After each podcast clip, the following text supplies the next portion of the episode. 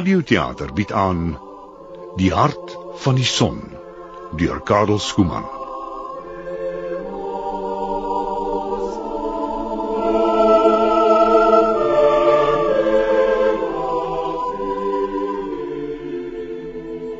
En toe, Will Shakespeare. Wat sit jy hier en droom? Het die mense van Stratford dan so wetsgetrou geword dat julle prokureurs geen werk meer het nie? Dik. Ek het jou lanklaas gesien. Ja, ek is dis dan maar 'n besige man. Sê vir my, is ou baas Rogers nie vandag op kantoor nie? Nee, hy's verkoue. Ek het besluit om huis toe te gaan en kaneel te drink. Is daar iets wat ek vir jou kan doen? Nee, dankie, dis nie sake nie. Net boodskappe wat ek vir hom moes oordra uit Londen. O. Maar aangesien hy nie hier is nie, sal jy seker nie omgee as ek 'n rukkie vertoef om te klets en my klere te droog nie. Was jy alweer in Londen gewees? Ja, in hierdie weer, as jy dit kan glo. En langs ons liewe Engelse paaie. En hoe gaan dit met Londen? Londen. Londen is Londen. Meer kan ek jou nie sê nie. Jy moet self gaan kyk, Will. Terloops, voordat ek vergeet, ek het Dick Field raak geloop. En hy het gevra hoe dit met jou gaan. Jy onthou hom nog, né? Nee? Ja, ek onthou hom. gaan dit goed met hom? Uitstekend. Hy werk by 'n drukkersfirma, weet jy, en hy het verbasend vooruitgang gemaak. Hy sê hy's nou 'n Londenaar. Hy verlang maar selde na Stratford. Dick Field was nog saam met ons op skool gewees. Jy moes Londen toe gegaan het, Will. Jy was altyd skrander geweest en jy het veel beter presteer op skool as Field. As hy dit so ver kan bring, wat sou jy nie kan doen nie? Ek moes toe ek die skool verlaat het, moes ek hier kom werk en my ouers help. En ek het gedink daar's nog baie tyd, maar toe ek getroud en was dit uit daarmee. Ek moes gegaan het. Toe ek skool verlaat het, kon ek weggehardloop het en selfs toe Anne se familie my agterna gesit het om my te dwing om haar te trou, kon ek nog pad gegee het. Maar nou sal ek maar tevrede moet wees om my lewe as dorpsnotaris te sluit. Moenie so moedeloos wees nie. Jy het meer boeke gelees as die skoolmeester selfs of die predikant. Daar's geen mens in die omstreke wat soveel kennis besit soos jy nie. Skryf jy nog? Daai nog dikwels het ek op skool pak slag gekry omdat ek versies sit en skryf het in die klas in plaas van op te let. ja. Ek krap nog af en toe 'n rympie neer in die kantlyn van 'n ou koopbrief of agterop een van my vader se rekenings, maar ek kry nie meer soveel tyd daarvoor nie. Maar daar het jy dit dan. Jy kan geld maak met gedigte deesdae. Wys jou gedigte vir Sir Thomas en hy sal jou dalk nog betaal en bekend maak. Sir Thomas stel maar bloedwynig belang in gedigte en hy sal nie uit sy pad uit gaan om my te beloon nie. Nie na al die wild wat ek in my jong jare uit sy hertekamp gesteel het nie onder die neus van sy opsigter. nee, Dik. My drome was daarom altyd van iets groters gewees as om huisdigter te wees by Charlotte. En waarvan droom jy dan? Huisdigter van die koningin? Dit lyk my jy het 'n oog op rooikop vrouens hoor. Dit het tydelik opgehou reën. Ek sal maar die kans waarneem om by die huis te probeer kom. Dit lyk my nie ons gaan vanjaar lente kry nie. Daar's afodille in die woude en ek het al die eerste sleutelblomme gesien. Twaal jy nog altyd in die woude rond? 'n Respektabele klerk en besadige getroude man soos jy. nee, Will, daar's geen hoop vir jou nie. Vrou, kinders en oupas Rogers saam sal jou nie kan vasbind aan die aarde hier in Stratford nie. Jy sal nog losbreek, ten spyte van hulle en wegpyl. Totsiens vriend. Ek sien jou weer. Sê vir ou Rogers ek sal oor 'n dag of wat weer aankom. Totsiens Dik. En dankie vir die besoek. Ek hoor uh, Richard Quinny was weer Londen toe gewees. Ja, Het jy hom gesien? hy het vir 'n rukkie op kantoor aangekom om Rogers te spreek. Wat wou hy met Rogers gehad het? Is hy in die moeilikheid oor iets? Hy het 'n boodskap gehad vir hom. 'n Boodskap. Ja, ek wonder wat dit was. Het hy enige nuus gehad? Nee, niks nie. Waarna kyk jy? Papiere. Ek weet dit is papiere, maar watter papiere? Het jy werk van die kantoor saamgebring? Dis my eie papiere, geskrifte, En wat skryf jy? gedigte Uh, gedigte. En waaroor nogal? oor gode en godinne.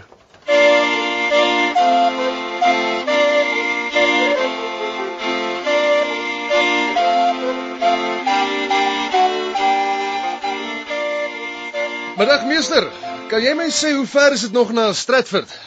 So anderhalf myl. Is julle toneelspelers? Waarlik, ons is meester en op pad Stratford toe. Ons wag net so 'n bietjie om die seun te laat rus, want hy het sy voet seer gemaak en die ou knol sou nie nog 'n passasier kan byneem nie. Hy kan op my perd ry. Dan stap ek saam met julle. Ek gaan ook Stratford toe en ek's nie haastig nie. Nee, maar dis baie gaaf van jou meester. Hoor jy net? Spring gou op die meneer se perd. Jong kry lewe in jou. Kom kerels, laat ons gaan. Hy speel al die heldinne. As jy hom sien in 'n pruik en hoepelrok sal jy hom nie herken nie. Hy sou een van die koningin se hofdames kan wees. Gaan julle in Stratford optree? Solank leef vanaand nog, sal jy nou eens kom kyk. Ek het nog nooit 'n toneelopvoering misgeloop solank as wat ek kan onthou nie. Nee, maar dis mooi. Daar's mos mense wat niks met toneelspelers te doen wil hê nie. Landlopers, beermanne, ketellappers en spelers is vir hulle maar almal dieselfde. En as ons aankom, al die huisvrouens sal wasgoed binne wat op die heininge hang. Toneelspele meneer is die uitvinding van die duiwel, die offers van afgodery, die uitlei van wêreldlinge, die wortel van die afvalligheid en die voedsel van verderflikheid, oproerigheid en losbandigheid. Ek het dit self in 'n boek gelees. Kom julle van Londen? Ja, ons is Londenaars. Die graaf van Leicester se geselskap tot die diens. En ek self is Will Kemp, een van die beste komediante in die land en die beste horrelpypdanser in Engeland, Skotland of Wales. En dit is nie snaaks nie. Dit is die blote waarheid en oor die waarheid hoef geen mens valse skaamte te hê nie. 'n Sekere interessante lewe. O, dit is interessant ja. Londen in die lente en somer en teen die einde van die somer op toer deur die land. Ek was selfs al so ver noord gewees soos York en dan in die winter opvoerings vir die koningin aan die hof met 10 pond vir elke vertoning en 'n goeie maaltyd boonop. Dis 'n wonderlike lewe. En toe wil? Ken? Wel, wat lieg jy nou alweer? Wat bedoel jy lieg? Ek sê vir die meneer dis 'n wonderlike lewe wat ons het. En wil jy stry? Wonderlik. Het jy hom vertel van die modderige paaie en die stowwerige paaie en die nagte dat ons sonder kos moet klaarkom of onder 'n naaste hooi moet moet slaap? En hoe jy soggens repeteer, smiddags optree en saans in die bed val sonder 'n oomblik vir jouself? En en hoe die puriteine geduldig op ons hakke sit om ons te probeer uitdelg. Ag, bog man, dis alles insidentjies wat ons moet verwag. Want toneelspel is nog 'n nuwigheid en die pad is nog nie gebaan nie. Maar ons gaan groot dinge tegemoet. Toneelspel is die nuutste gier. Al die edelmanne het groepe spelers onder hulle beskerming en die koningin self verdedig ons teen die puriteine. Julle weet miskien nie daarvan nie, hier in die afsondering van die platteland, maar ons lewe in 'n wonderlike tyd. Alles gis en kook, alles ontwikkel. Dis 'n goue eeu wat ons binne gaan. Maar jy moet Londen toe kom, kerel, en self kom kyk wat daar alles in die wêreld aangaan. Ja, Londen toe. Watter werk doen jy? Ek werk in 'n prokureurskantoor. O, 'n geleerde man dus. Wat maak jy hier in die agterveld? Londen wag op jou, kerel. Die tronke wag op almal. Daar's 18 van hulle. Jy kan doodgaan van hongersnood in 'n sonderkamertjie of bedel in 'n kathedraal. Die geeselpaal en die brandyster wag op jou totdat die galg jou uiteindelik verwelkom. Jy is 'n pessimis, Robin Amen. Mense nooit sê jy wil komediant wees om so na jou te luister nie. Jy moet leer om 'n bietjie plesierig te wees. Nou ja, hier's ons by die dorp. Wel, ons sal vir jou totsiens moet sê, meneer. Ons moet eers toestemming kry van die stadsraad en dan sal ons ons triomfantelike intog in die dorp maak. Spring af net en sê dankie vir die meneer. Sal ons jou in Londen sien? Ek hoop so. Eendag. Dus kom jy vanaand na ons opvoering? Dan sê ek tot wederom en nogmals dankie. Jou leeslus is onversadigbaar, Wil. Een van die dae het jy elke boek gelees wat ek besit. Wat sal jy dan doen? Weer van voor af begin doen met die baten en al die dinge vind wat ek die eerste keer misgeloop het. Jy het baie geesdrif. Selfs daardie ou doktersboeke wat ek eers geërf het en nooit eers oopgemaak het nie, is hulle werklik vir jou interessant. O, oh, miskien nie die hele boek nie, maar in elkeen is daar iets wat interessant is. Hmm. Een of ander feit wat 'n nuwe deur vir jou laat oopgaan, of 'n sin of 'n frase wat jy onthou. Soos die edelsteen in die padda se voorkop. Kom, kom, sit 'n rukkie en gesels wil voordat jy huis toe gaan. Sê vir my, hoe gaan dit nog met jou deesdae? Ek gaan werk toe en kom terug huis toe. Die tweeling was siek geweest sodat ons die halwe nag moes opsit met hulle. Maar nou is hulle weer beter. Dit is al. So ongeduldig en ontevrede wil. Ek wil Londen toe gaan. Is dit die regte ding om te doen? Of hoort ek hier te bly en my salaris elke week huis toe te bring na my gesin? Jy was altyd begaafd geweest. Veel wakkerder en vinniger as die gewone dorpseun. Jy het 'n ondersoekende gees en 'n ryk verbeelding. Jy het goed geleer en gelees en jou kennis oortref die van die meeste mense hier in Stratford. In elk geval wat nie omvang daarvan betref. God het jou ryklik bedeel met talente. En wanneer hy dit doen, verwag hy dat jy van hulle gebruik sal maak. Dit sal jy nooit kan doen in 'n dorpie so Stratford nie. En dink jy dis dit is reg dat ek gaan? Dis die logiese stap. Londen is immers 'n stad van 150 000 inwoners, die hoofstad van Engeland op alle gebiede. Daar sal jy die geleentheid kry om jou gawes te gebruik en mense wat hulle sal waardeer. Jy sal geld huis toe kan stuur na jou gesin soos baie ander getroude mans doen. Ek sal gaan in die lente. Ek moet my kans vat wanneer ek dit kry, want ek het nou lank genoeg getalm. En wat begeer jy van die lewe, my jong vriend? Ek kan werk kry by die drukkery waar Dick Field werk. En is dit al wat jy verlang? Ek wil geld maak. Ek wil welgesteld wees, nie bly sukkel soos ons die afgelope jare moes doen nie. Ek wil eendag terugkom met goud in my sak. En nog? Ek dink jou drome gaan selfs hoër as dit wil. Ek wil groot wees. Oorloë in Holland Frankryk, seeslae teen die Spanjaarde, ontdekkingstogte na Amerika of die Ooste, rykdom en invloed as Londen se koopman, burgemeester soos Whittington, die ridderslag. Groot soos Drake wat om die wêreld geseil het of Sydney wat op die slagveld dood is. Dit is nie grootheid nie. Dit is die dinge waarvan elke boere seun en veewagter droom wanneer hy lugkastele bou. Nog meer is dit. So ambisieus wil. Groot dan, soos die koningin is. Die koningin. En hoe is sy dan groot? Groot in gees eerder as net in prestasie. Groot soos 'n arend wat opstyg hoog en eensaam in die hemel en staar in die hart van die son met 'n blik wat nie wyk nie. Is dit wat jy begeer? Om met eensaamheid te leef, dag na dag, jaar na jaar, om gepuur en gesuiwer te word en alle wysheid te leer, nie net jou eie pyn en vreugde nie, maar die van die ganse mensheid, om so uit te styg. Is dit die grootheid wat jy begeer? Ja. Dit is wat ek begeer. En wie weet, miskien kry jy dit nog. Mag dit jou goed gaan.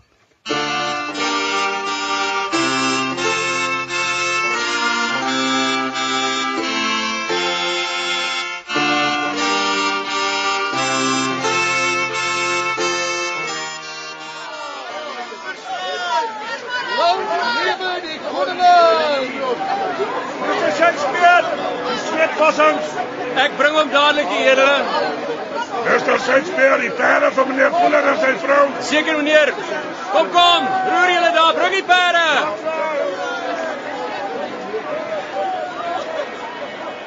So, nou kan ek huis toe gaan. So is jy meester Shakespeare. Tot die diens, meester Kemp. Ons ken dus mekaar se name, né? Ons het mekaar reeds ontmoet, meester Kemp, 2 jaar gelede op die pad tussen Ja, Worcester ja, natuurlik. Ek onthou jou nog. Jy het, jy het net op jou perd laat ry. o, oh, ek onthou daardie somer nog goed. Die ou perd wat ons gehad het, het by Oxford in die pad gaan lê en gaan vrek. Ai. En ons moes die karretjie self terugtrek Londen toe. Ja. Dit was geen goeie somer nie. En dis het jy toe Londen toe gekom. Ja, die lente daarop is al my tweede jaar in die stad. My wêreld. En gaan dit goed met jou? Werk jy in Londen? Ek het 'n tyd lank by 'n drukker gewerk in die stad, maar ek's 'n paar maande gelede daar weg. Op die oomblik gee ek privaat onderwys. O, oh, jy het dit dus goed getref. Sê vir my as jy op pad huis toe. Ja, ek bly naby Blackfriars. Dis goed so. Dan kan ons saam stap tot by Bishopsgate. Hmm. Wat is Karels? Sien julle vanaand weer? En vertel my nou, hoe dit gebeur dat jy perde vashou hier voor die teater. Ja, ek was altyd lief gewees vir die teater. ek woon elke opvoering by wat ek kan. En ek was 'n rukkie sonder werk en toe het ek die plan gekry om die hoë lui se perde vas te hou. Die onderneming is nogal winsgewend. My inkomste is deesdae nie te gereeld nie. En ek het 'n gesin in Stratford wat ek moet onderhou, dus is geen penny te versmaai nie. En jy het jou werk goed gereël. Almal in die teater het al gehoor van meester Shakespeare wat die perde so goed organiseer. maar ek het nie besef dat dit jy is nie. Dis as jy nog steeds so 'n geesdriftige teaterganger. Ja, nee nog altyd. Ek lewe feitelik in die theater of die curtain. Solank dit nie die Rose is nie, want hulle is ons groot mededingers. Van ou baas Henslow hulle moet jy maar liewers wegbly. Hulle het die beste toneelstuk opgevoer wat ek nog in Londen gesien het. Wat? Hierdie stuk oor uh man, wat s'ie vent se naam? Tamerlan. Ja, ja, Tamerlan. Tamburlaine the Great. Ja. Dit was baie populêr geweest sonder twyfel. Ek het dit self gaan sien. Maar daar is niks aan nie behalwe 'n bietjie kleurvolle dialoog en 'n hoop sensasiewekkende tonele. Die man wat sy kop oopstamp op die verhoog en die konings van Tamerlane se strydkar trek en al die moord en doodslag. Dit trek die mense aan as nuwigheid, maar daar sit niks in nie. Die man is 'n digter. O, digter. 'n Mens het op die verhoog nie digters nodig nie. Maar julle mense is deesdae vol nuwe giere. Robin Armin het net sulke idees gehad. Onthou jy hom nog? Die seun wat saam met ons in Stratford was. Ja, ek onthou. Hy was ontevrede geweest by ons en toe het hy oorgegaan na Henslow se geselskap by die Rose. Hy dwing nog net om komedie te speel, maar sy styl val nie in die smaak van die publiek nie. Jy moet kan gesigte trek en die horrelpyp dans en oor jou eie voete val, soos ek al dikwels vir hom gesê het, en dan sal jy geld maak en die mense sal toestroom wanneer jy optree. Maar party mense begin allerlei hoogdrawende idees kry oor die teater.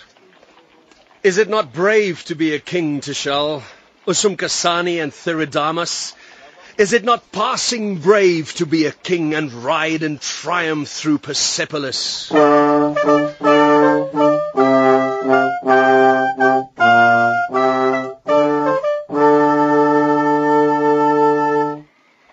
Black is the beauty of the brightest day. Ken jy die skrywer Marlowe? Hy is nog nie lank in Londen nie. Hoe minder jy van hom af weet, hoe beter. Hm? Hulle sê hy is 'n ateïs. En dis nog eers die ergste nie. Hy's glo lid van die geheime diens. Dis waarom mense hom so selde sien. Nou ja, ek draai hier af. Ek is bly dat ek jou weer 'n slag ontmoet het. Jy moet dit ons meer van jou sien. En sukses met die perde oppas. Ons sal een van die dae aandele moet begin uitneem in die onderneming. Goeienaand. Wel, van Stratford nie waar nie. Dag Amen. Onthou jy my nog? Maar natuurlik. En hoe gaan dit met jou? Wag jou rykneg buite met die perde. Nee. Sulke dinge is nog baie ver in die toekoms indien hulle ooit op my wag. Waaraan ek soms twyfel. Het jy dis uitgevind dat die strate van Londen nie met goudplavei is nie? Ek het 'n baie goeie betrekking by 'n drukker gehad met 'n goeie salaris en goeie vooruitsigte. En daar het ek uitgevind dat ek nie belangstel in salaris of in vooruitsigte nie. Ek stoot daar weg. En intussen het ek my met verskeie dinge besig gehou. Op die oomblik gee ek privaat les. Probeer om 'n bietjie Latyn in te hamer in die koppe van kinders wat net die minste daarvoor omgee nie. Maar ek verdien daarom geld daarmee. Genoeg om aan die lewe te bly en nog Stratford toe te stuur. O, en wat soek jy dan? Dis 'n goeie vraag. Nie die rotine en die eentonigheid van die drukkery nie in elk geval. Ek wil iets meer hê as dit. En ek soek nog steeds daarna. Dis juis om hiervan vry te kom dat ek uit Stratford weg is. Ja, ja, ja, ek weet. Ek was vakleerling gewees by 'n goudsmid. Ook 'n veelbelovende loopbaan, maar ek is daar weg om by die spelers aan te sluit. Ah, Ek weet daar is nadele aan verbonde, maar tog, dit is die antwoord op alles wat ek gesoek het. Dink jy so? O, sonder twyfel. In 'n toneelstuk verloor jy jouself. Jy is nie meer net die enkele individu met al sy onvermoë en beperkings nie, maar 'n simbool, iets wat uitstyg bo die tydelike en die plaaslike. Jy selfs nie meer net 'n koning of 'n krygsman of 'n nar nie, maar die verpersoonliking van alle smart, alle vreugde, die samevatting van die ganse mensdom se verlangens. Jy styg uit bo die wêreld, jy raak aan die son. Ag, oh, jammer, jammer ek het losgebreek. Hulle sê altyd vir my ek is te dromerig en te idealisties. Nee, jy is nie. Ek weet wat jy bedoel. Dit is wat my ook aantrek in die teater. Die duiding op groter dinge. Moenie dink dat al die spelers sulke opvattinge het nie. Maar die maar die teater begin in sy eie voete vind en die skrywers sien dat daar iets meer nodig is. Tamberlane. Het jy dit gesien? Ek weet nie hoeveel keer nie. Dis wat ek bedoel. Mense sê dis maar net 'n nuwigheid wat sal verbygaan. Maar dit sal onthou word wanneer al die ander stukke lankal toegewaai is onder die stof. Jocasta, Love and Fortune, Felix en Philomena. Maar Tamberlane is iets groots. Dis eintlik wat my aangespoor het om jou te kom opsoek. Al klink dit miskien nie baie hoflik om dit so reguit te sê nie. Ek sou Malo graag wil ontmoet. Mal. So gesê, so gedaan. Meester Malo, Ah. Tot die diensmeester Ramen. my vriend wil u graag ontmoet. Mm -hmm. mag ek u voorstel aan meneer Shakespeare uit Stratford in Warwickshire, voormalige lid van die drukkersbedryf in Londen. Tot u diens ook meneer Shakespeare. Is u daarop uit om een van my werke na te druk of moet ek in u een van my ongeduldige skuldeisers herken? Geen een van die twee nie, meneer Malo, net 'n Liefhebber van die toneel en van die poësie. Ah, Ek het Tamerlane gesien verskeie male. so. Het u self enige verband met die teater meester Shakespeare? Net as toneelganger. Mhm. Ek moet gaan, maar uh, ek hoop ek sal u weer sien meester Shakespeare. Dan kan ons gesels oor die poësie. En toe? Is jy tevrede? Voorlopig. Maar ek sou hom graag beter wil leer ken. Miskien sal jy. Miskien nie. Hy is 'n onafhanklike kerel wat sy eie gang gaan en sê en doen wat hy wil. Met sy talent kan hy dit bekostig om onafhanklik te wees. Ah, Dis wonderlik, ja. Maar ek voel dat dit nog net die begin is. 'n Aanduiding van alles wat gedoen kan word. Daar wag 'n wonderlike tyd op ons. Wag. Kyk maar of ek nie reg voorspel nie.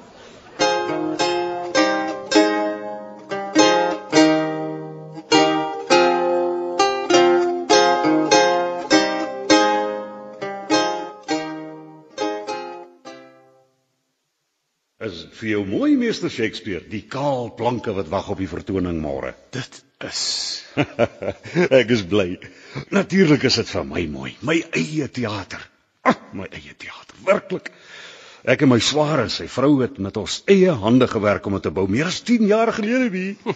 Die eerste teater in Londen. Kyk jy dit dink? Ons was die beginners, die baanbrekers en kyk nou, die geld wat daarin sit, die roem, die aansien. Wie sou dit kon verwag het? dis soos 'n nuwe wêreld wat u oopgesluit. Ja, ja, 'n nuwe wêreld. Is soos die skeepvaarders met hulle ontdekkingstogte. Hey, weet jy wat? Toe ek die plek opgerig het, het ek dit maar net die teater genoem. Sonder so kaal weg want dis mos wat dit is, 'n teater. Maar as ek weer eendag 'n teater moet bou, gaan ek dit die Globe noem, hè? Dis nog 'n veel beter naam. Dis 'n dis 'n mikrokosmos, 'n hele wêreld in dit kleine. Prinse, krygsmanne, towenaars, bedelaars, alles. Ja, ek dink dit sal 'n beter naam wees. Ja, ja dit is duidelik dat jy belangstel in die teater, meneer Shakespeare. Oh, wie stel dan nie belang nie deesdae? Ja, maar jou belangstelling is meer as net die van 'n toeskouer. Dis duidelik om te sien. Ek weet nie presies hoe ver dit strek nie, maar ek wil jou sê dat as jy ooit werk soek, jy na my kan kom, want ek sou jou graag in my geselskap wil hê. Ek is heeltemal onkundig. Ag, ons was almal een op ander tyd onkundig, maar ons het geleer. En jy, jy het die geesdrif en die belangstelling wat nodig is, meester Shakespeare, en dit is die vernaamste. Ek sal daaroor moet nadink. Ja, seker doen dit. Die teater kan jou daarom ook avontuur bied as dit is waarna jy soek. Want ons beroep is nog nuut en ons moet veg om 'n plekkie vir onsself in te ruim. Ons tree op aan die hof. Die koningin en die geheime raad beskerm ons en ons maak goeie geld hoor. Toestande sal eerlank nog baie verbeter. Jy kan gerus daaroor nadink, meester Shakespeare.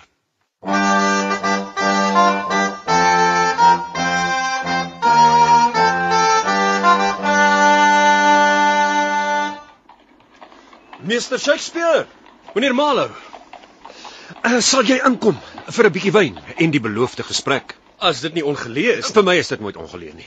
Ek verwelkom altyd geselskap. My vriende is op pad huis toe en ek is nie lief daarvoor om alleen te wees nie. Stap maar hierop. Tom, is jy nog hier? Mag ek julle aan mekaar voorstel? Meester Thomas Kitt, ons beroemde letterkundige, en meester Shakespeare van die teater, oorspronklik uit uh, Warwickshire, nie waar nie? Uh, ek het in die slaap geraak. Ek sê jy's jy's op pad uit. Ons twee werk saam. Hierdie kamer is as ware die brandpunt van Engeland se intellektuele heerlikheid. Alhoewel my hospitaal die feit ongelukkig nie waardeer nie. Mense sê soms dat ek die drama op 'n nuwe vlak geplaas het. Maar dit is meester Kidd wat die goue eeu ingelei het met 'n Spanish tragedy. Ken jy dit, meester Shakespeare? ek het dit al verskeie kere gesien. Dis goed, nee. Die droewige einde van Don Horatio en Bellamperia met die jammerlike dood van Hieronymo. En op die oomblik is hy besig met 'n nuwe stuk oor 'n obskure skandinawiese prins. Wat sy naam nou weer? Tom. Uh Hamlet. Ja, Hamlet. En hy het 'n vader wat vermoor is en gedurig uitroep: "Wraak, wraak!" Dit sal sonder twyfel groot gehore trek. Jy kan liewer jou huur betaal dat 'n mens kan vuur kry pleks van hier te staan en ginne gaap. Mens vergaan in hierdie kamer van die koue. Ek loop. Ja, die lewe is maar onseker. Die een dag moet jy jou boeke verpand om jou kamer hier te kan betaal. En die volgende dag het jy 'n beurs vol goud in jou sak. In my geval is dit ten minste so. Ek weet nie hoe jy dit vind nie. Troops, ek hoor jy het nou 'n nuwe beroep. Ek het ja. Dit is miskien minder respektabel, maar dit is daarom ook interessanter. Jy verbaas my, meneer Shakespeare. Ek het geen avontuurgees in jou verwag nie. Ek het gedink jy's 'n plattelander wat al die Engelse deugde van stabiliteit en soberheid beliggaam. Garsbrood en lakens van ribelinne wat tuis gewees was en 'n tuin met stokrose en byekorwe onder die appelbome. Hoe het jy dit alles geraai? Ja, dit is my agtergrond. Maar hierdie dinge bly.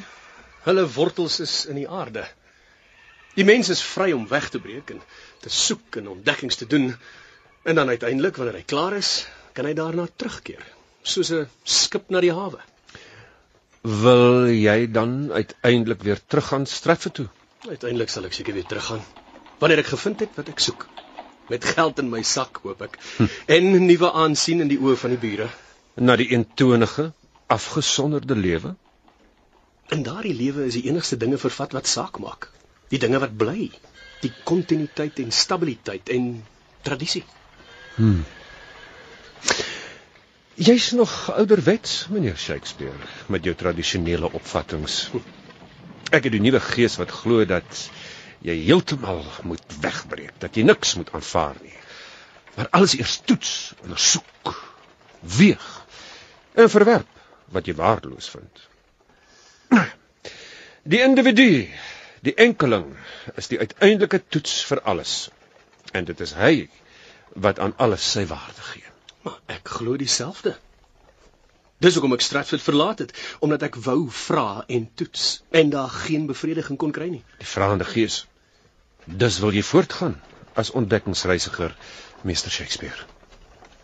Weet jy hoe eensaam die tog is? Geen metgesel kan jy saamneem nie, geen bagasie selfs nie. Jy moet alleen voortgaan, heeltemal op jou eie. Kan jy raai hoe eensaam dit is, meester Shakespeare? As jy wil voortgaan om die gebiede van die gees te ontdek. Die meeste mense duins terug en jy glo dat jy sal terugkeer na Stratford van daai togte. Swart gebrand deur die vreemde son. Waarom nie? Ek glo jy sal al daardie dinge verwerp op jou reis. Al die tradisie waarin jy glo. Jy sal leer dat jy slegs een ding behou en dat slegs een ding uiteindelik nog saak maak. En dit is die lewe. Wanneer alle ander dinge wegval, is dit al wat oorbly. Soos 'n klein dansende vlammetjie onder die borskas wat lewe gee aan die dooie been. En wanneer daardie vlammetjie geblus word, gaan ons voort in die duister na die gebiede waarvan ons nooit weer sal terugkeer nie. Miskien verskil ons tog nie soveel nie. Want wat anders vind mens terug in Stratford behalwe die lewe met al sy eenvoud? Geboorte en dood deur die eeue heen, saaityd en oestyd, en die groot feeste ter ere van die lewensiklus, die vure van Meidag en die viering van die oesfees. Jy's jy's 'n snaakse kerel. Ek het nie die agtergrond wat jy het nie, want ek is 'n stedeling en ek was op universiteit. Ek het 'n ander soort wysheid geleer as jy. en nou, dorpenaartjie, vertel my hoe jy in die teater beland. Iemand met al jou hoë ideale begeer tog seker nie om sy lewe as toneelspeler te sluit nie. Dis eintlik nie die toneelspel as sodanig wat my aantrek nie. Dis die hele idee van die teater.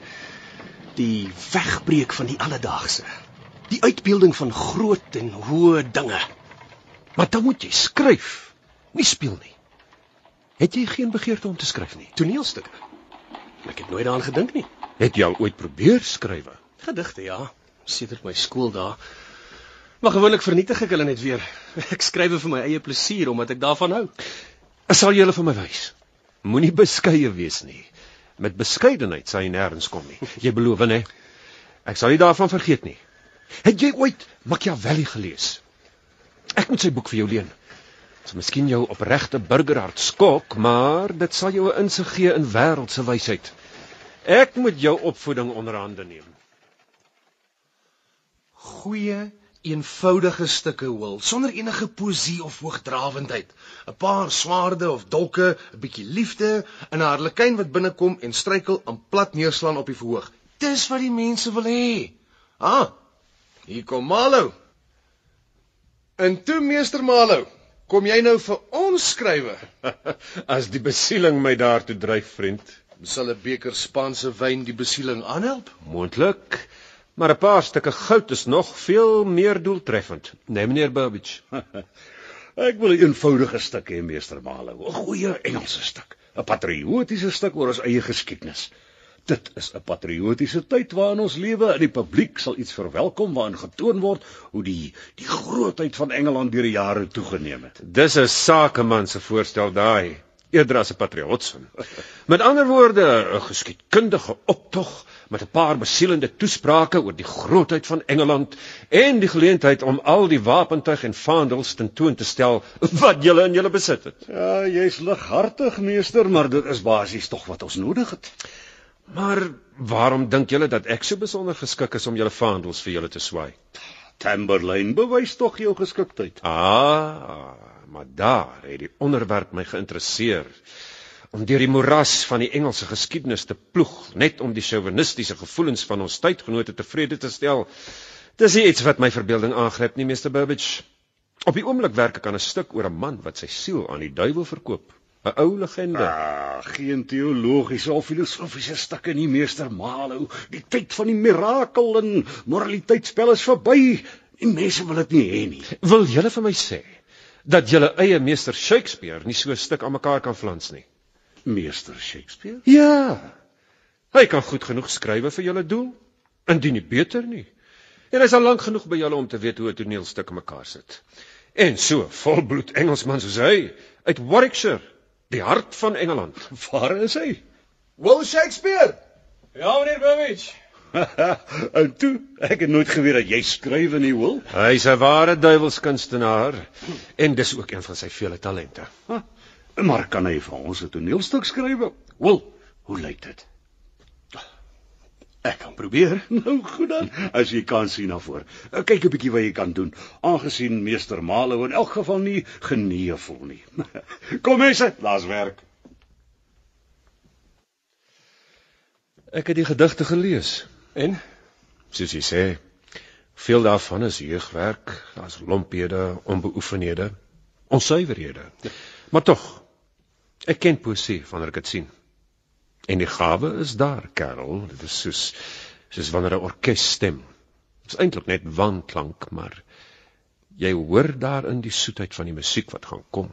en dink jy ek kan hierdie toneelstuk skryf? Ag, natuurlik, man, jy kan skrywe. En jy ken mos jou geskiedenis of hoe?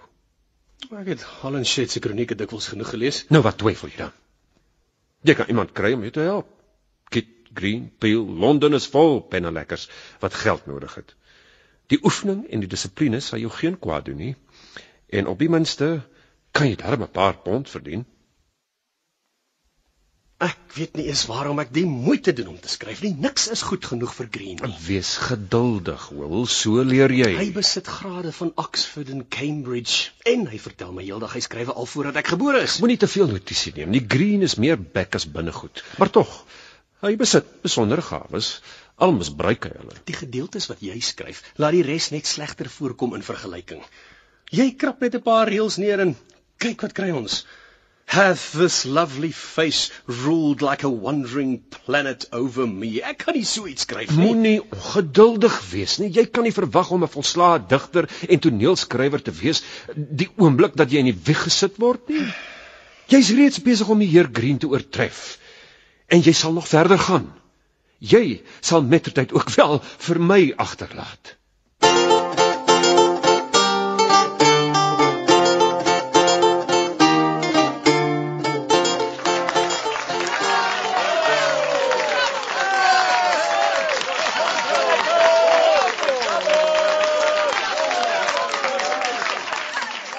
Na Henry 6th, Titus Andronicus, The Taming of the Shrew and the Comedy of Errors, Skryf jy nog steeds oor die Engelse konings? Dit vorm 'n eenheid, die hele geskiedenis. Al die sterk konings en swak konings en opstandige adel. Keer op keer toon dit dat die koning die middelpunt is van die hele stelsel waarlangs ons voortbeweeg op ons bane, van die hele staat. Word die middelpunt weggeruk, dan word die hele stelsel ontwrig en kom daar chaos. nog net so 'n volbloed ouderwetse Engelsman na al die jare in Londen wil en na al die gesprekke wat jy gehoor het en die boeke wat jy gelees het. Ek glo nog in plig en trou en ek glo net in myself. Dit is waarom jy altyd gewild sal wees by ons sober Engelse gehore wat my ondermynende invloed met agterdog bly beheen. Toe maar kit. Jy behoort daarom ook vir my volgende stuk te hou. Burbage wil hierdie keer Richard III hê. Oh, so. Die boggelrig koning met die bloedige dolk in sy skede. Ja, 'n Machiavellistiese staatsman. So iets soos jou Jood van Malta. Ek het daarom iets by jou geleer. Totsiens, Will. Sien jou later. Will Shakespeare, hier's 'n hoë besoeker vir jou. So, is dit die wonderwerker. Mag ek 'n halfie van sy tyd in beslag neem, meester Burbage? U sal nie omgee nie? Ja, seker hoogheid. Uh, u wil nie miskien iets te drink hê nie? 'n Bietjie gekruide wyn, heuningbeer. Nee, niks nie. Dit is jy, meester Shakespeare. Uh, dit is ek, u hoogheid, tot u diens. En waarvandaan kom jy? Van Stratford in Warwickshire, hoogheid. Ja, 'n boerseun dus. Dit verduidelik veel. Al die verwysings in jou toneelstukke, die woude en velde, die herte en vosse, selfs te midde van die Romeinse bloeddorstigheid in Andronicus. Ek het gedink jy is 'n platlander. Ek hoop dit maak my stukke nie onverteerbaar vir u nie. O oh, nee. Dis 'n verandering van die gewone toneelstukke met al hulle akademiese spitsvondighede. Jy gebruik mooi natuurlike beelde, meester Shakespeare. Dit is aangenaam om af en toe op iets natuurliks af te kom. Hulle skryf ook wel mooi dinge, maar so ver en oneg. Jy staan middel in die klein van 'n geploegde veld in Warwickshire. One hour storm will drown the fragrant meads. So 'n beeld gebruik geen een van hulle nie, selfs Marlowe nie. Of wat is daardie reël? Uh, oh, let me teach you how to knit again the scattered corn into one mutual sheaf. Ek voel geëerd dat jy hoogheid my werk so goed ken. O, oh, ek het elke toneelstuk gesien wat jy geskryf het, meester Shakespeare. Alles wat daar gedurende die afgelope maande in Londen opgevoer is trouens. Maar jou stukke het uitgestaan. Nie ongunstig nie, hoop ek hoogheid, ten spyte van hulle landelikheid en boersheid. Nee, dit is juis wat so aantreklik is. Die ander skrywers het mooi taal en mooi beelde, maar dit bly slegs vertoon. In jou stukke is daar lewe, daar's rykheid. Dit het my nuuskierig gemaak om die man te sien wat daar agter sit. en is jy nou tevrede, hoogheid? Ek weet nou dat jy 'n platlander is uit Warwickshire wat sommige probleme oplos, maar uh, dit maak die wonder net groter.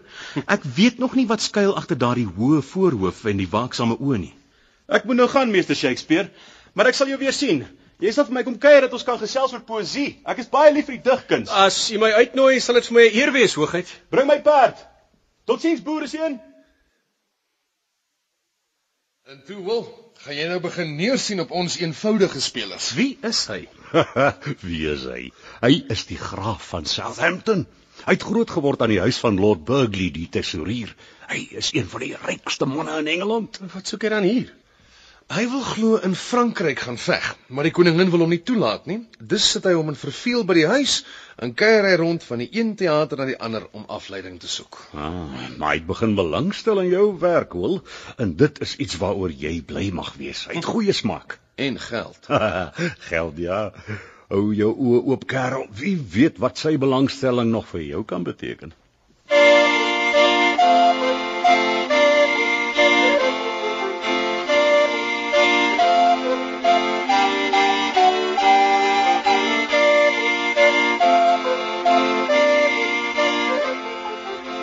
So, jy het gekom, meester Shakespeare. Ek dank u vir die uitnodiging, hoogheid. Geen hoogheid nie. Ek is moeg vir my hoogheid. Gaan sit en vergeet dat ek 'n graaf is. Ek wil gesels met iemand wat nie dubbel geboë staan in verwondering oor my adellikheid en my hoë posisie nie. Ek is tot u diens. Noem my op my naam. Noem my Harry. Uh, sê vir my jy en jou. Hier waar ons twee alleen is, sal dit nie saak maak nie en dit sal vir my 'n nuwe ondervinding wees. Ek hou van nuwe ondervindings. Dit is 'n goeie teenmiddel teen die verveling. Ek is so lief vir nuwe ondervindings en dit alles is vir my heeltemal nuut. Al die weelde. Ek hou van jou. Jy is eenvoudig en reguit. En ek ontmoet nie dikwels sulke mense nie. Maar terselfdertyd is jy nie 'n boer nie. Jy weet hoe om jou te gedra. Ek was daarom nie 'n ploer of 'n skaapwagter nie. My ouers was redelik welgestelde burgerlui. Heel respektabel en mense van aansien in die dorp. Wil jy wyn hê? Ek wil iemand hê wat ek kan vertrou, met wie ek kan gesels. Uh, Iemand wat kan luister wanneer ek praat sonder om oor iets te grief. En iemand wat intelligent en vermaaklik kan gesels wanneer ek afleiding nodig het. Aanvaar jy die aanstelling, meester Kleinburger? Ek sal luister, maar of ek sal vermaak, weet ek nie. Ek weet ek is impulsief. Eh, Ek doen onbesonde dinge sonder om na te dink. Koop perde, gee landgoedere weg. Ou vader Burgley en my moeder preek heeldag vir my. Maar uh, wie nie waag nie wen nie. Ek sal maar weer impulsief wees en 'n toneelspeler as vertroueling aanneem. Miskien sal jy eendag iets aan my opdra en sal ek oor 'n paar eeue nog beroemd wees deur jou. Dan sal ek daarom iets gewen het deur my waagstuk. Dit sal eerder andersom wees dat ek net onthou sal word as gevolg van jou vriendskap. Eh, Dink jy so? Eh, Wie weet. Eh, Maar jy sal nog presteer en ek sal jou help. Jou toneelstukke is goed, maar hulle is nog lomp en onhandig soos edelstene wat nie geslyp is nie. Ek sal help om jou te verfyn, boereseentjie. Ek sal jou leer hoe prinses praat. Jy kan beter doen as sensasiestukke vir die leerjonges en kluggies waarin die vent Kemp dienaar speel. Kyk na Andronicus. Daar was goeie dinge daarin, veelbelovende dele, maar dit is iets om die gepeupel van Stratford te trek op 'n markdag. Jy kan 'n meerwaardige raamwerk vind om jou gawes in te toon. Ek sal jou help, maar jy moet my ook help. Eh, Kyk is herfs, dit reën en eh, die vaal daar is lank donker. En ek moet hier sit en vaskyk in die vier mure van hierdie huis, of my huis in Southampton of my landgoed. En Wat maak dit saak? Ek kan nie na Frankryk gaan nie, want die koningin wil haar edelmanne onder haar oë hê waar hulle geen kwaad kan smee nie. En ek moet hier bly sit. Is dit waarom mense van jou hou? Omdat jy hulle nie lastig val met woorde nie, maar luister asof jy alles begryp. Ek wil graag leer om alles te begryp. En wie alles begryp sal ek nooit verwyd of veroordeel nie. Begryp jy? Help my dan, vriend. Help my. Praat net, vertel my iets. Vertel my die verhale wat jy as 'n kind gehoor het van kabouters en reuse en towenaars. Praat met my.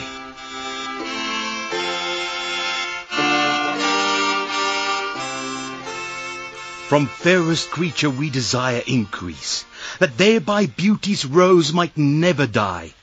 Jy is 'n digter, 'n volslaa, volbloed digter, vriend Will. Ek wou altyd digter wees. Om vir die toneel te skryf het vroeër nooit by my opgekom nie. Nou goed, dan kan jy digter wees, my digter.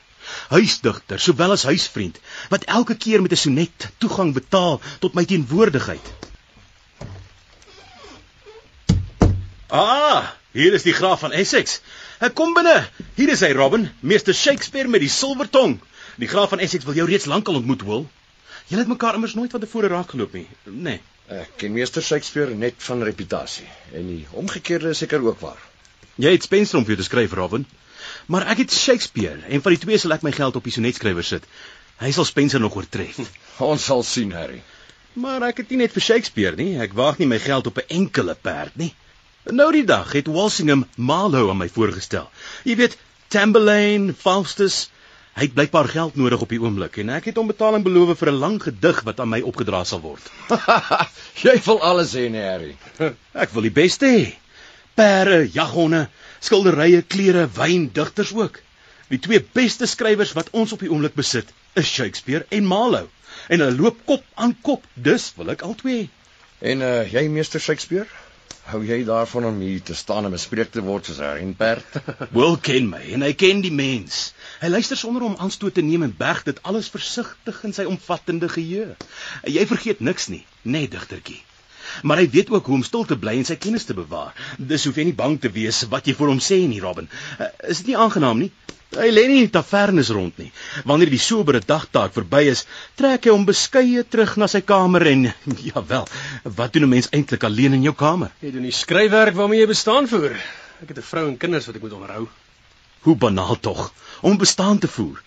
Maar ek sê jou sê wat digtertjie, uh, jy kan ook vir my 'n lang gedig skrywe.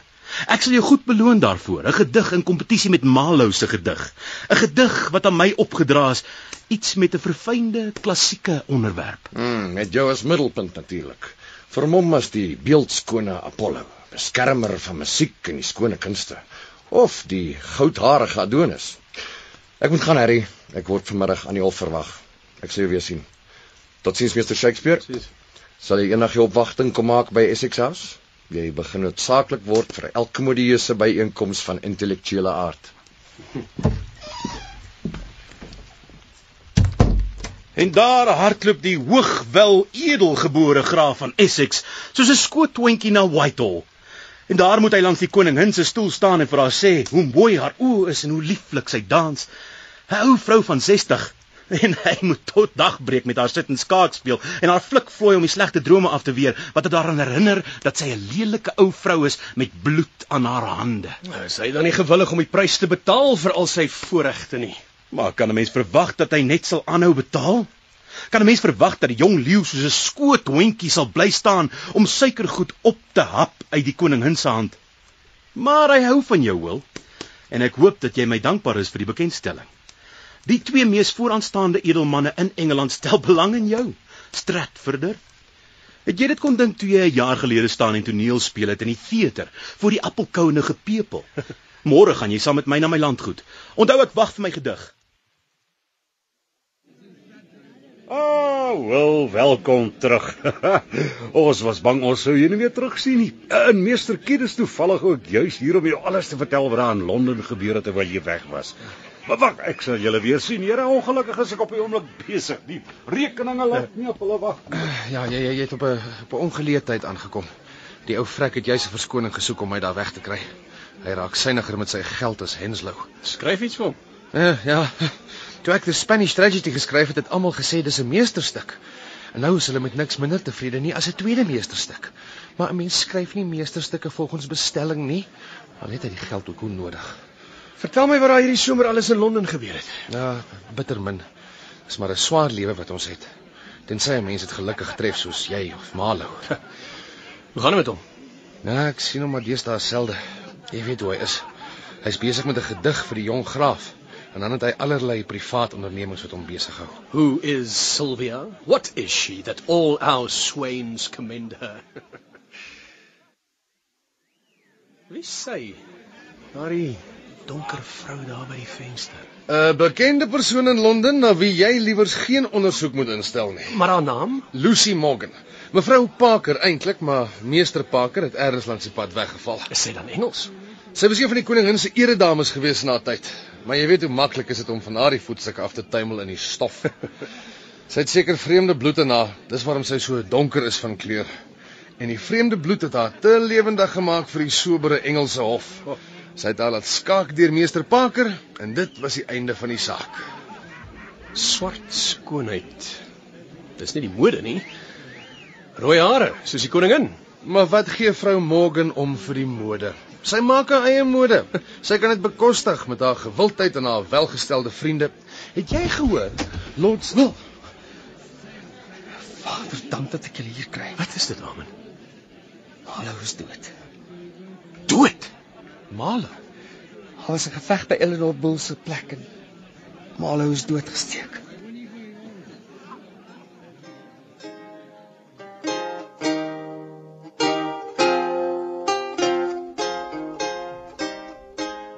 And I will make the beds of roses and a thousand fragrant posies. My friend. Cut is the branch that might have grown full straight, that scorns the world and as a traveller goes to discover countries unknown.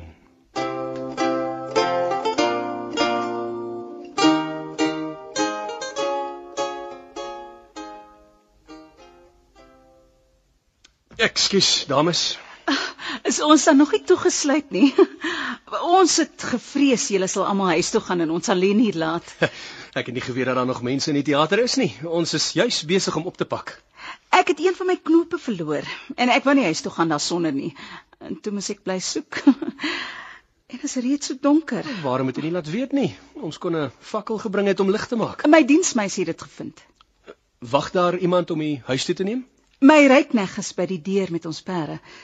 Meester Shakespeare. Ek het nie geweet dat u my naam ken nie. O, ek het u al dikwels gesien en nie net by die teater nie. U is 'n bekende persoon in Londen. Maar u het my natuurlik nooit raak gesien nie. Hoe kan 'n mens anders as om u op te merk? Mevrou Morgan. U ken my naam. Ek begeer so lank reeds om u te ontmoet. Ek het elkeen van die toneelstukke gesien, maar u is so skugter, meester Shakespeare. U kom nêrens nie. 'n Mens sien nie net toevallig aan die verbygaan. Is dit nie gelukkig dat ek vanmiddag my knoopie verloor het nie?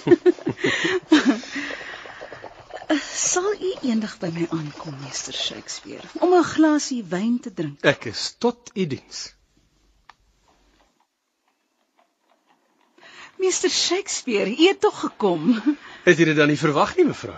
Jy is so besig. Jy het soveel vername vriende. Waarom sou jy nog die moeite doen om 'n eenvoudige vrou soos ek te kom opsoek? Inteendeel, mevrou. 'n Mens kan eerder vra waarom iemand soos u die tyd sal wil bestee aan 'n eenvoudige skrywer soos ek. Eenvoudig? Niemand sou dit kan sê nie, meester Shakespeare. Jy is Engeland se grootste digter. Dis vir my 'n eer dat u gewillig is om my te kom besoek. Is u nog nie gewoond daaraan dat vreemdelinge geselskap soek nie? Na al die jare van roem. U is nouliks 'n vreemdeling, mevrou. Ek ken u al jare lank, al is dit net op 'n afstand. Jy's 'n eensame man, meester Shakespeare. Ek het al baie oor jou gehoor. Jy's teruggetrokke, afgesonder, 'n vos wat alleen jag. Jy's eensaam. En ek ook. Jy sal weer kom, sal jy nie? Soms om met my te gesels, net ons twee.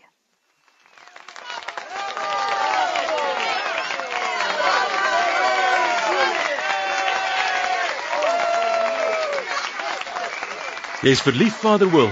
Net 'n man wat 'n Shakespeare is en verlief is kan so skrywe. O, besarende, verstandige heer, sê my wie is sy? 'n Onmodieuse skoonheid, jy sal nie belangstel nie. So swart soos 'n raaf se vlerk. 'n Skoenlapper. 'n Koket. My mistress's eyes are nothing like the sun.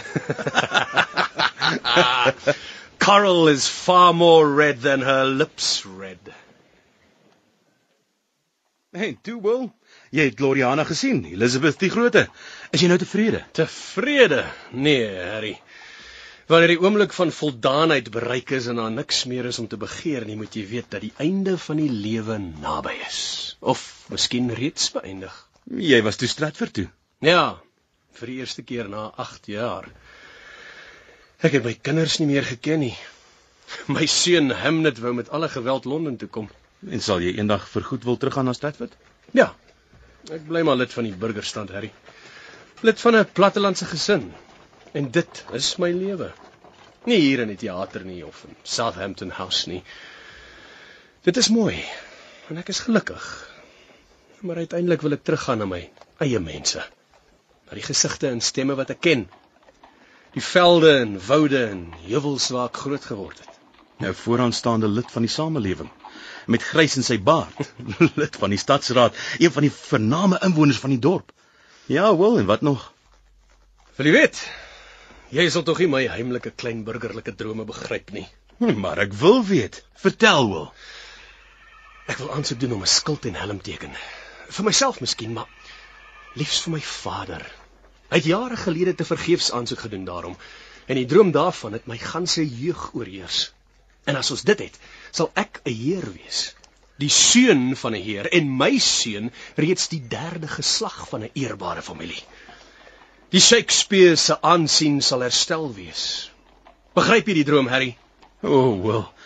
Toonbeeld van alle burgerlike deegsaamheid. Dis sulke deegte soos joune wat Engeland laat styg het tot grootheid. En nou vind ek dieselfde deegte in my huisdigter. Wie sou dit kon verwag het? En waarom sou 'n burgerlike digter nie burgerlike deugte besit nie? Moet ons almal ateïste of skeptikusse wees? Mense sou tog verwag dat jou siel sal uitstyg bo hierdie klein burgerlikhede na die grootte, die edele. In die klein burgerlike lewe vind 'n mens ook veel wat groot en edel is. Al eet die mense miskien van houtborde of kan hulle nie hulle name teken nie. Toe maar wil. Vergewe my. Nee, miskien is die boere in Warwickshire ook beter en gelukkiger. Die hemel weet ek is nie gelukkig nie. Ek is in onguns aan die hof en nou sal ek die ganse winter by die huis moet sit en gaap. Ek sou seker ook gelukkiger wees as ek 'n eenvoudige herder was. Met gewaste en geparfumeerde skape wat strikke om die nekke dra soos in die pastorale gedigte. Jy sou gebarste hande hê, Harry, en die dak van jou krooitjie sou lek en die vuur sou rook. Stuur maar liewers briefies aan Lady Elizabeth en berus jou by jou lot. Die lente sal kom en die koningin sal haar hart versag. Miskien. En Essex praat oor 'n tog teen die Spanjaarde. As hy dit reg kry, sal ek kan saamgaan hmm. en miskien ook die koningin se guns herwin. Uh, vir jou is dit goed. Jy het werk wat jou besig hou, jy doen iets. En die donker onbekende, bestaan sy nog wel? O, sy bestaan nog. Stel my aan haar voor. Ek is nuuskierig hoor, ek wil haar sien. Laat die arme man sy oeilam behou, koning Dawid. Waar dink jy? Niks nie. Niks nie. Nie jy nie, vriend Shakespeare, nee. Daardie verbeelding, daardie geheue van jou is nooit leeg nie. Altyd besig, altyd gevul met vreemde gedagtes. Ek kry nie die helfte van jou aandag. En die ander deel is ergens ver weg en ongenaakbaar. Jy verbeel jou dit. Kan ek dan aan iets anders dink as aan jou wanneer ek hier by jou is? Jy's 'n vreemde man. Jou gesig is soos 'n masker, dit verraai niks nie. 'n Mens sou dieselfde aan jou kan sê. 'n Hoë voorhoof, hare wat uil word, waaksame oë, lagende mond. Dit sê niks nie. Jy's 'n geheim en ek verstaan jou nie. En jy hou nie daarvan nie, nê? Nee. Jy wil alles volkome onder jou beheer hê. Soos wanneer jy speel op die spinet. Jy wil weet dat jy hierdie toets kan slaan en hierdie noot sal hoor. Is daar dan iets in jou om te verstaan? Of is dit net skyn? Miskien is jy uiteindelik tog maar net 'n gewone man soos enigiemand anders, net soos enige koopman of winkelier. Jy verskil nie van hulle nie. Al is jy sogenaamd skrywer en digter. En waarom gee dan al jou aandag aan my as ek so alledaags en onopvallend is? Dit bly die geheim. Geheim. Glo jy dan nie dat ek jou liefhet nie? Ek weet dat jy my nie liefhet nie. Ek weet jy lieg en huigel elke oomblik. Jy's vanaand onaangenaam. Jy's nou dat ek my voorgenem het om jou guns te vra. So, die ware rede vir die toenadering word nou getoon. Waarom kom jy dan hierheen? As jy my so veragtelik vind. Ek weet nie. As ek kon wegbly, sou ek. Arme Will. En toe, wat is die guns wat jy wou vra? O, ek ek wou net weet of jy my miskien 'n klein bedragie geld sou kon leen. Ek het vanmiddag 'n nuwe baadjie gesien. Perske kleurige satijn met goue venesiaanse kant en 'n voering van oranje. Sy ek moet dit hê. Wat van al jou welgestelde vriende? Watter vriende? Jou mansvriende. Die wat jy voorgee wat nie bestaan nie.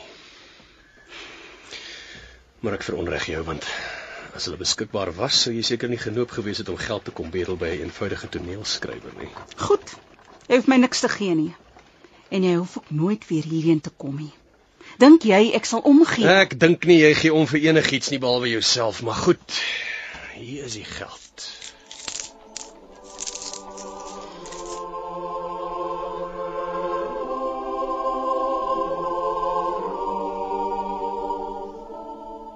Hamnet dood. En Lucy verlore. Maar die werk moet voortgaan. En na koning Jan word Hendrik die 4de aangevra nog 'n stuk in die eindelose koningsstoet. 'n Dooie kroniek waarin ek in hierdie dae van rou geen lewe kan blaas nie.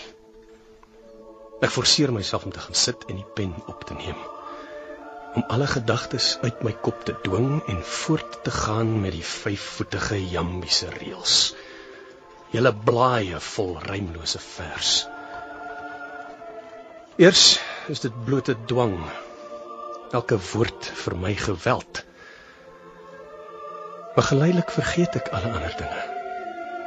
En begin die werk van my besit neem. Soos ek nog altyd gedoen het. Wat my kommer ook al mag wees.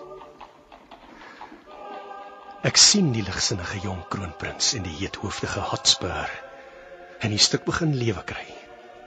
Toe, eendag kom ek verby 'n taverne in Eastcheap en sien 'n massiewe ou man wat oogies maak vir die meisies terwyl hy sy beker Spaanse wyn in sy vuis vasklem. Die gesig verlaat nie my verbeelding nie. Die ou man kry gestalte, ondergaan 'n subtiele verandering en kom dwars deur die koningsspel bulder.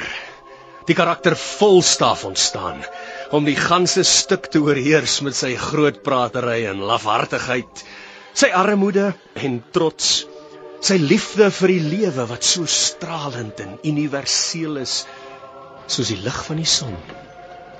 Ek skryf asof ek aangedryf word.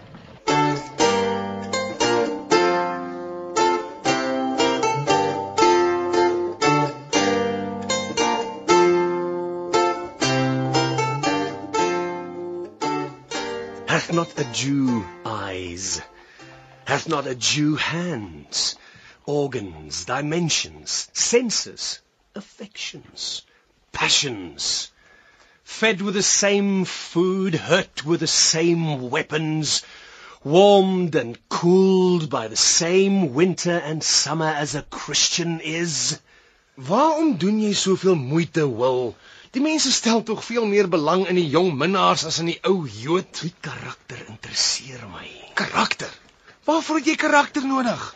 'n Ou Jood met 'n lang baard wat kerm oor sy goudsakke is heeltemal genoeg om die toeskouers tevrede te stel. Dit stel hulle miskien tevrede, maar nie vir my nie. Ek weet mense soek net 'n mooi storie, aksie om hulle aandag te trek, kostuums, doodslag, grappe, woordspelings. Maar moet jy die mense dan maar net gee wat hulle wil hê?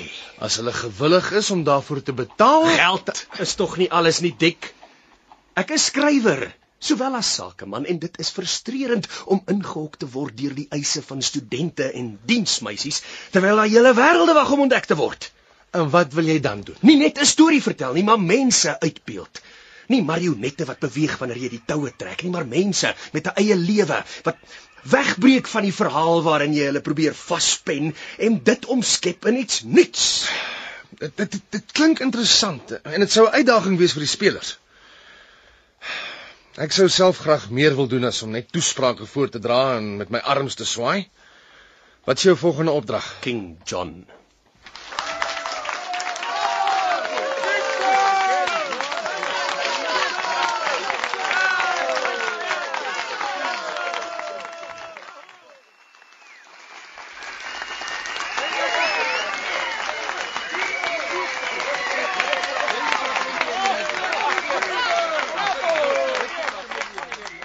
Sou dit gedink het, Wil? Ek het gemeen jy het reeds die hoogtepunt bereik, maar jy klim nog altyd. Ek's nog maar op die voetheuwels. Ja, maar jy het die een sukses na die ander. Maar met haar majesteit se vriende gaan dit slegter en slegter. Die vloot is verswak deur drosters en deur storms. Risie het uitgebreek tussen Essex en Raleigh. Maar ergste van alles vir die koningin is dat daar geen buit is nie. Sy het die ganse rykdom van Spanje vir haar koffers verwag en nou met Essex dit ontgeld. En ek, ongelukkige ek is Essex se vriend. Ek glimlag vir die hofdames. Ek weier om met ou Vader Burgley se kleindogter te trou. Ek glip al hoe verder af langs die leer van die koninklike gunsvriend Will. En dit kom my voor dat Essex my lot deel. Ons het geen toekoms in Engeland nie solank as wat Elizabeth lewe. Sy sal nie altyd lewe nie. Wie weet. Sy kan nog 80 word, 90. Kyk hoe lank klou sy reeds in die lewe vas. Die vroue oorheers ons lewens, die rooi kop vrou myne, die donker dame joune. Waarom hoor ons deesdae so min van haar, Will? Ek probeer haar vergeet.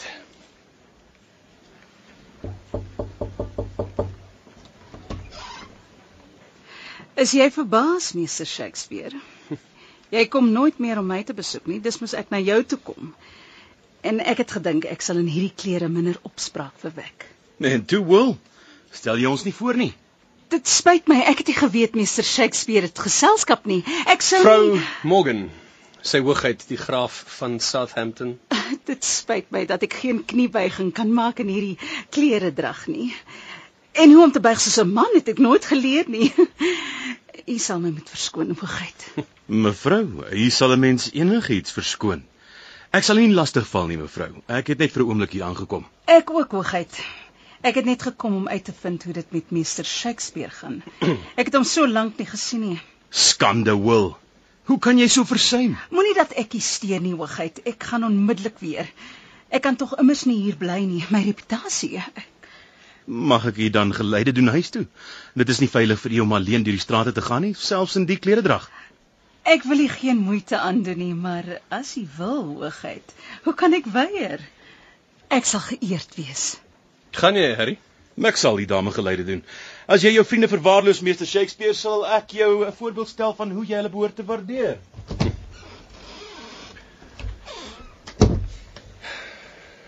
Two loves I have, of comfort and despair, which like two spirits do suggest me still. The better angel is a man, right, fair. The worser spirit, a woman, coloured ill.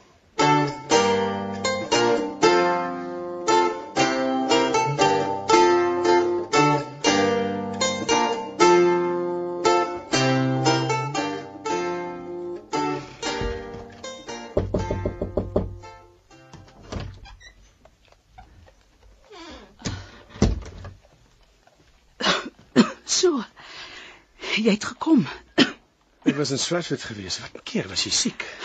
Ja. Al sedert die somer. Is daar iets wat ek vir jou kan doen? Ek wou by jou geld leen. Ek is siek, ek moes alles verpan wat ek gehad het. Ek het niks meer nie. Ek het gedink my skuldeisers sal my hier nie vind nie, maar hulle het. Ek is 3 maande agter met my huur. Ek sit op straat voor die winter nog, siek of te nie. Wat van al jou vriende? My vriende. My vriende is nie so getrou dat hulle hierheen sal kom om my hande te sit en vashou terwyl ek siek is nie. Uit die oog, uit die hart, meester Shakespeare. Was Southampton dan? Jy kon vir hom geskryf het in Frankryk. Southampton. Het jy dan nie gehoor nie? Wat? Getroud. Getroud. So, uit die lug geval. Nie heeltemal onverwags nie. Dit is Bess Vernon vir wie hy so lank al minne briefies skryf.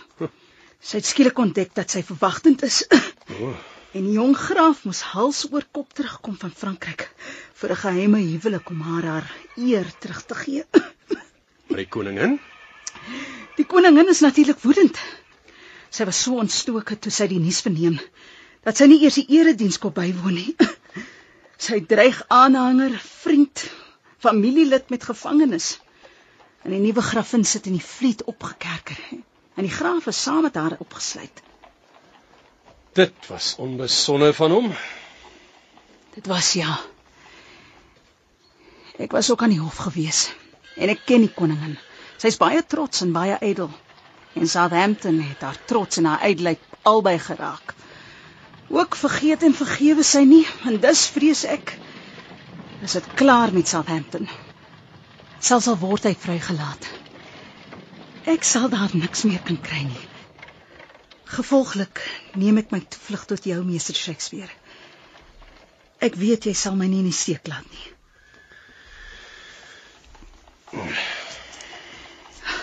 Dankie. Dis weer regkom. Ek is weer byna gesond. As ek net my kamer hier kan betaal en iets ordentlik skry om aan te trek. Ek het gehoor van 'n matroos wat 'n rol brokaat het, ingesmokkel natuurlik, wat hy goedkoop van die hand wil sit. As ek weer behoorlike klere het en in die openbaar verskyn, sal alles regkom. Miskien kan ek die parels terugkry wat ek moes verpan.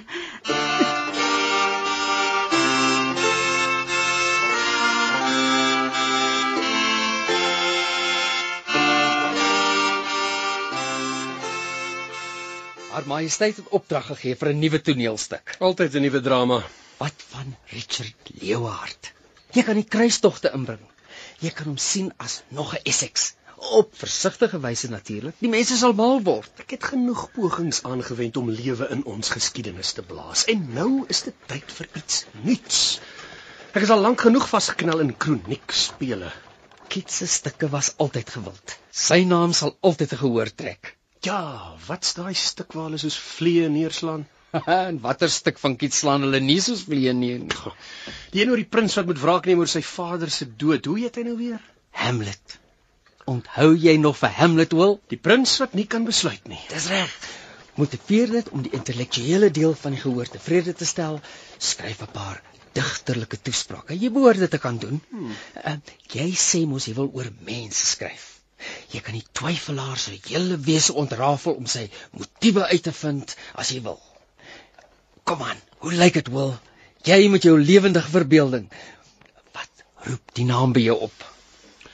Toe ek 'n seun was in Stratford, was daar 'n meisie met die naam Catherine Hamlet. Aha, 'n meisie. Vertel verder, vriend. Wat het sy gedoen? Sy het verdrink in die rivier. Was 'n plek waar die wortels van 'n ou wilgeboom in die water uitgroei en dit opdam. Hulle het haar lijk daar gevind, maar haar hande vol blomme. Madeliefies, botterblomme, netels. Mense het gesê sy het haarself verdrink, maar haar familie het gesê sy het ingeval terwyl sy blomme pluk. Maar dis onspeelbaar. Ons sal vir ure lank besig wees. Ja, dis interessant, dis 'n uitdaging, 'n skepping, maar maar dis 'n geweldige rol. Hoeveel duisend reëls? Dis alles nodig. Dis nie sommer net 'n verhaaltjie wat ek sou navertel nie. Dit is die werk van 'n skrywer. Skepende werk wat die hele volheid en veelsuiligheid van die lewe probeer weergee. Ja, die, die moorde en die swaardgevegte in die malmuisie. Dit is al wat jy nodig het.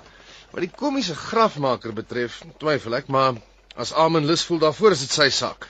Meer as dit wil die grondelinge nie hê nie. Ek skryf al 10 jaar lank volgens die eise van die grondelinge, maar ek dink dat daar hoër eise is waaraan ek moet voldoen. Hierdie toneelstuk is nie net 'n verhaaltjie nie, soos ek al reeds gesê het. Dis 'n ontdekkingstog deur 'n mens se siel. Hamlet beskou die wêreld as an unweeded garden that grows to seed. Things rank and gross in nature possess it merely.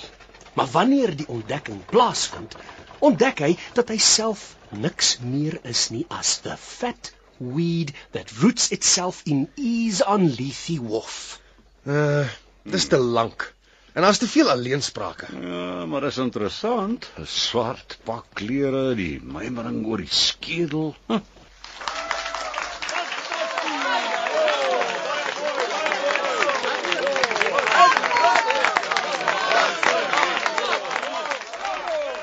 Voel jy voldaan?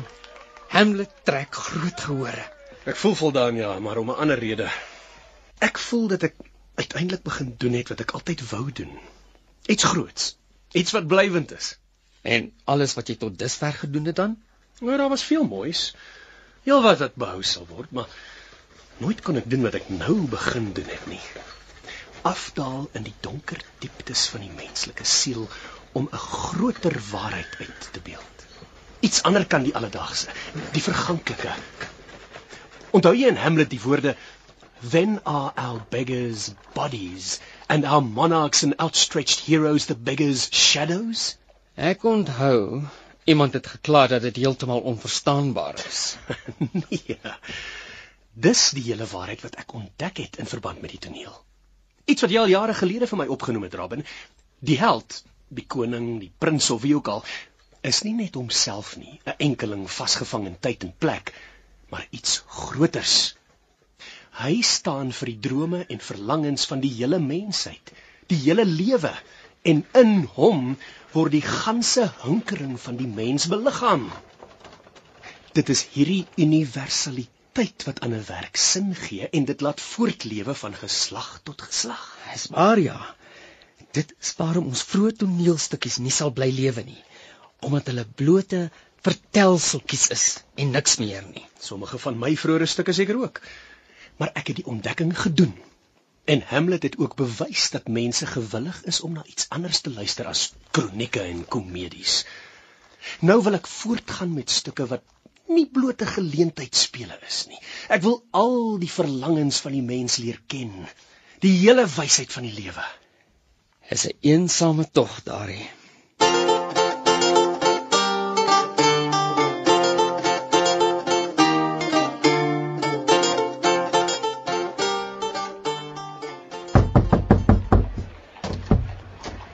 Dis rebellie wil, die opstand het uitgebreek. Essex. Ja, hulle vergader heel oggend by Essex House. Daar's al 300 van hulle saam. Die koningin het die Lord seelbewaarder en die hoofregter gestuur om uit te vind wat die betekenis van die byeenkoms is. En Essex se mense het hulle gevange geneem. Dis uiteindelik. En wat nou? Ja, die hemel weet. Kom saam, wil dat ons gaan kyk wat daar gebeur. Ja. Die predikant het almal aangesê om huis toe te gaan en binne te bly. Daar gaan nog verskriklike dinge gebeur. Ja, en Essex is tot verraaier uitgeroep. Hulle wou optrek na Whitehall en van die paleis besit neem, maar die paleiswag is verstrek en nou is hulle op pad hierheen om die stad op te jag. En hy het ver geval die jong graaf. Waarlik, hoogmoed kom voor die val. Die gevangenskap het hom aangetas. Ons sal liewer die pad gee voordat ons in die besigheid ingesleep word. Onthou jy nog hoe het hy hier deur die stad gery op pad Ierland toe? Wie sou dit ooit kon verwag het? Ja, ons kom Landgate verspel. Biskop het soldate bymekaar gekry om hulle hier in te wag wanneer hulle terugkom. Julle moet liewer pad gee terwyl daar nog tyd is. Daar gaan vandag nog geveg word. Reg, kom ons gaan nol. Ja, dis boonop tyd van middagete. Waarom moet ons juis vanaand in die paleis optree? 24 Februarie en môre moet Essex sterf. Ja, en die koningin wil 'n blyspel hê. Love's Labour is Lost. Die komedie wat ek geskryf het kort nadat ek Essex die eerste keer ontmoet het. Die koningin wil ek graag spreek, meester Shakespeare. Meester Shakespeare. Majesteit? Meester Shakespeare. Jy skryf al lank vir my en jy skryf goed. Ek wil jou bedank. Ek is geëerd, Majesteit. Jy kom van die platteland af nie waar nie? Van Stratford, Majesteit in Warwickshire. Stratford. Daar is 'n landgoed naby die dorp wat Charlotte heet. Ja, Majesteit. Ek het daar tuis gegaan jare gelede. 30 jaar. Op 'n rondreis deur Engeland. Ek was daar gewees met Bartolomeusnag. Die nag van die bloedbad in Parys. Maar dit is nie waaroor ek jou wou spreek nie, meester Shakespeare. Ek wil weer 'n komedie hê. Dit is tyd dat ons weer lag. Jy moet vir my skryf. Die uh, vet ridder oor wie jy reeds geskryf het. Volstaaf, Majesteit. Ja, ja, hy. Laat ons hom weer sien. Hy's dood, Majesteit. Hy is in Henry die 5de reeds oorlede. Ja, en Henry die 5de. Ja. Ek is Richard die 2de. Dis jy dit nie? Falstaff is dood, maar ek beveel dat hy uit die dode moet opstaan. Ek wil 'n toneelstuk oor hom hê. 'n Toneelstuk wat ons sal laat lag. Falstaff wat verlief raak. Die liefde is 'n goeie onderwerp vir 'n komedie. Dit is so lank gelede dat ek oor Volstaaf geskryf het, Majesteit, en ek is bevrees die tydperk van blyspele is vir my verby. Dat te veel gebeur in die jare wat tussenin lê. Mense sê nie nee vir prinses nie, meester Shakespeare. 'n Mens kan nie altyd doen wat jy wil nie. Soms moet jy al jou eie pyn en eensaamheid en verlange op sy skuif en vergeet. En jy moet voortgaan op die weg van die plig. Blind en onbegrypend soos 'n esel by by die trapmuur. Dit is 'n goeie dissipline, meester Shakespeare. Want dit maak jou los van jouself en dit help jou om uit te styg bo jouself en al jou eie kleinlikhede en selfsugtighede. Het jy dit nog nie geleer nie? Dan wag die leerskool nog op jou. 'n Blyspel vir Kersfees dan, meester Shakespeare, oor Falstaff. Ek gee jou 2 weke om dit te voltooi. 2 weke om aan te ja dat jy vir daardie tyd besig kan wees en dan ten minste alle dinge kan vergeet. The Merry Wives of Windsor het haar majesteit behaag. Maar hierdie nuwe komedie, All's Well That Ends Well. Dit is nie 'n 12th night. Nee. Nog is dit Titus of Richard III of the Jew of Malta of Faustus wat dit betref. Die man wat 12th night geskryf het is so dood soos Marlowe. Hoe dan? 'n Mens verloor tog nie so skielik jou aanleg nie. Nee, maar dit ondergaan wysigings soos 'n mens self ook verander. Toe ek 'n jong kerel was, het ek lomp oordrewe geesdriftige stukke geskryf. Ek het dissipline geleer. Ek het geoefen geraak. Ek is in adelike geselskap binnegebring en my stukke het meer verfynd en hoofs geword. Ek het gelees. Ek het wysheid opgedoen met die jare wat verbygaan en my werk het stiller en wyser geword. Ek is nie meer 'n jong man vol ywer en lewenslus nie en dit is nutteloos om nog steeds 'n jong man se toneelstukke van my te verwag. Ek is tog al byna 40. Maar wat moet ons dan van jou verwag? Die hemel weet. Is daar nog iets te verwagte? Ek skryf al 12, 13 jaar lank. Ek het welslae behaal, goed geld gemaak. Ek behoort tevrede te wees. En Ek wonder of dit nie tyd is vir my om af te tree en terug te gaan Stratford toe nie. O, oh, ek wens ek kon bekostig om sulke gedagtes te koester.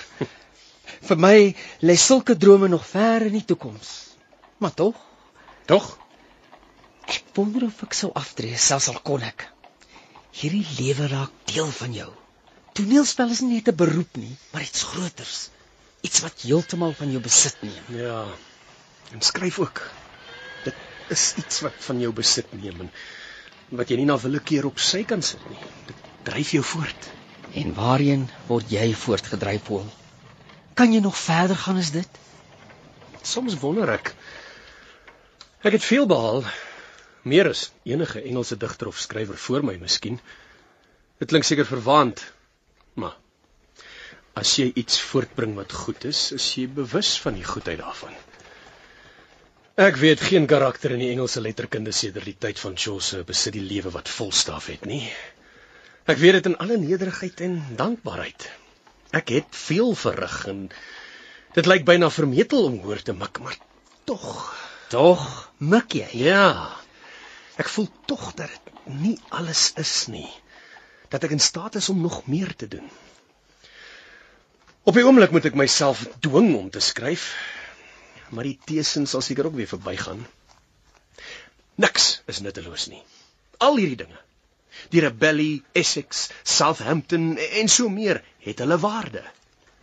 Eensaamheid en pyn is 'n goeie leerskool. Hy is filosofies. Ek aanvaar wat die lewe my gee met albei hande.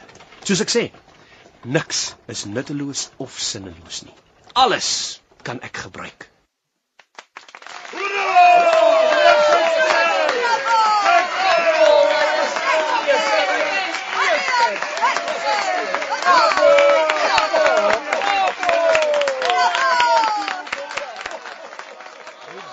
Hartwil, mens kan nie so aangaan nie jaar na jaar. Hierdie werk is inspannend en vermoeiend. Jy het nou genoeg geld om jou lewe in gemak te kan sluit. En wat jou ou beswaar betref, jy verwag tog seker nie om nog meer groter dinge te doen nie. Hamlet, Lear, Othello, Macbeth, Cleopatra. Hoeveel verder kan jy nog gaan as dit? Ja, jy's reg. Ek het die toppunt bereik. En is jy nou tevrede? Ja, oh, dis nie wat ek verwag het nie. Niks is ooit soos 'n mens dit verwag het nie. Maar tog is dit gewoonlik ook op een of ander wyse meer bevredigend as wat jy self gedroom het. Maar toe maar, Robin. Wanneer ek klaar is met die werk waarmee ek op die oomblik besig is, sal ek huis toe gaan vir 'n lang vakansie en oor die kwessie van my aftrede nadink. Kom ons gaan stap, papie, die middag is so lekker. Ag, die paai is nog nie een modder. Met hierdie eisige wind wat dwars deur 'n mens sny, wil jy hê jy en jou pa moet die hele lengte siek in die bed deurbring kind. Dis 'n heerlike wind, mami. 'n Speelse wind, nie meer 'n winterwind nie. Miskien sal ons self sneeuklokkies vind. Jy soek sy dood. Papi gee nie om nie. Die koue hinder papi mos nie soveel soos vir mami nie. Ek is daarom nog nie so oud nie. Toe ek 'n seun was, het ek die hele buurt deurgeswerwe, somer en winter, sonder dat dit my ooit iets aangedoen het. En ek sal nou wel 'n besadigde wandeling met my dogter oorlewe. Dis sulke lekker weer. Kyk hoe ja die wolke verby en hoe flits die blou lug deur. En ek wou so graag met papi gaan stap. Daar bly nog so min tyd oor. Nog net 'n paar weke en dan dan verloor ek jou? Nee, papi, nie verloor nie. Ons sal tog net 'n hanetreetjie van papi af wees in die hoofstraat. Maar dit sal nie meer dieselfde wees nie wanneer ek 'n getroude vrou is met 'n gesin en 'n huis van my eie. Sal papi baie eensaam wees? Ek sal jou mis, kind. Maar ek sal moet wend aan die lewe sonder jou. Ja, papi het immers geleer om sonder gesin klaar te kom al die jare in Londen. Hm. Weet papi dis selfsugtig, maar ek is bly dat Susanna getroud is en die huis verlaat het net nadat papi weer in Stratford kom bly het. Dit beteken dat ek papi al die jare vir myself kon hê. Susanna sou nooit te deel in my gehad het nie. Ek was nooit baie geneig geweest tot haar, nie selfs toe sy 'n baba was. Sy sê Hathaway, nee papi. En ek? Ek sê Shakespeare. Ja. Jy is my dogter. Ek was gelukkig om jou by my te kan hê. Waar anders sou ek hier op die platteland so 'n geleerde en intelligente jong dame gevind het om met my te gesels en vir my voor te lees en my geskrifte netjies vir my oor te skryf. Papi spot nou. Nee, ek spot nie. Ek was gelukkig geweest om jou te hê. En jong Tom Koenie is ook gelukkig. Ek hoop hy besef dit. Daar lê Londen, aan die ander kant. Toe ek klein was het ek gedink ek hoef maar net oor die heuwels te gaan, want dan's ek daar. Wil jy Londen toe gaan? nee, papi. Ek's tevrede hier in Stratford. En papi? Is papi ook heeltemal tevrede? Het papi nooit terug verlang Londen toe nie? Nie een keer in die 8 jaar wat papi terug is by die huis nie. Ek het werk gehad om te doen in Londen, maar nou is die werk klaar. En ek het niks meer wat my aan die stad bind nie. Elke keer dat ek teruggaan op besoek, vind ek dit minder aantreklik. Maar ons moet huis toe gaan, my kind. Ek voel nie goed nie. Hoe stil vloei die Avon.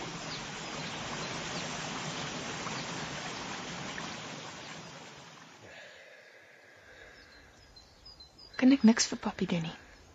Niks nie, dankie kind. Nie nog kombers nie of of wil papi het ek vir papi voorlees? Soos ek vroeër gedoen het toe ek nog by die huis was. Wil papi gedigte hê? The Fairy Queen of Hero and Leander? Of sal ek vir papi lees uit Hekluit? Ja, ja, ja, asseblief. And the Master Chancellor held on his course towards that unknown part of the world, and sailed so far that he came at last to a place where he found no night at all, but a continual brightness of the sun shining clearly upon the huge and mighty sea. Watter dag is dit vandag? 23 April, papi. Sint Jorisdag. Hmm. Papi se verjaarsdag.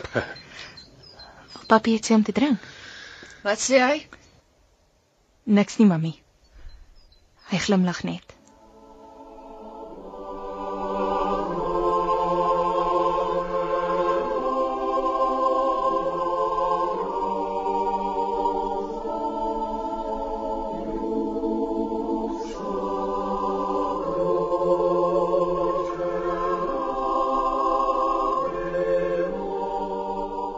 Dit was Die hart van die son deur Karel Skuman vir die radio verwerk deur Susan van Wyk.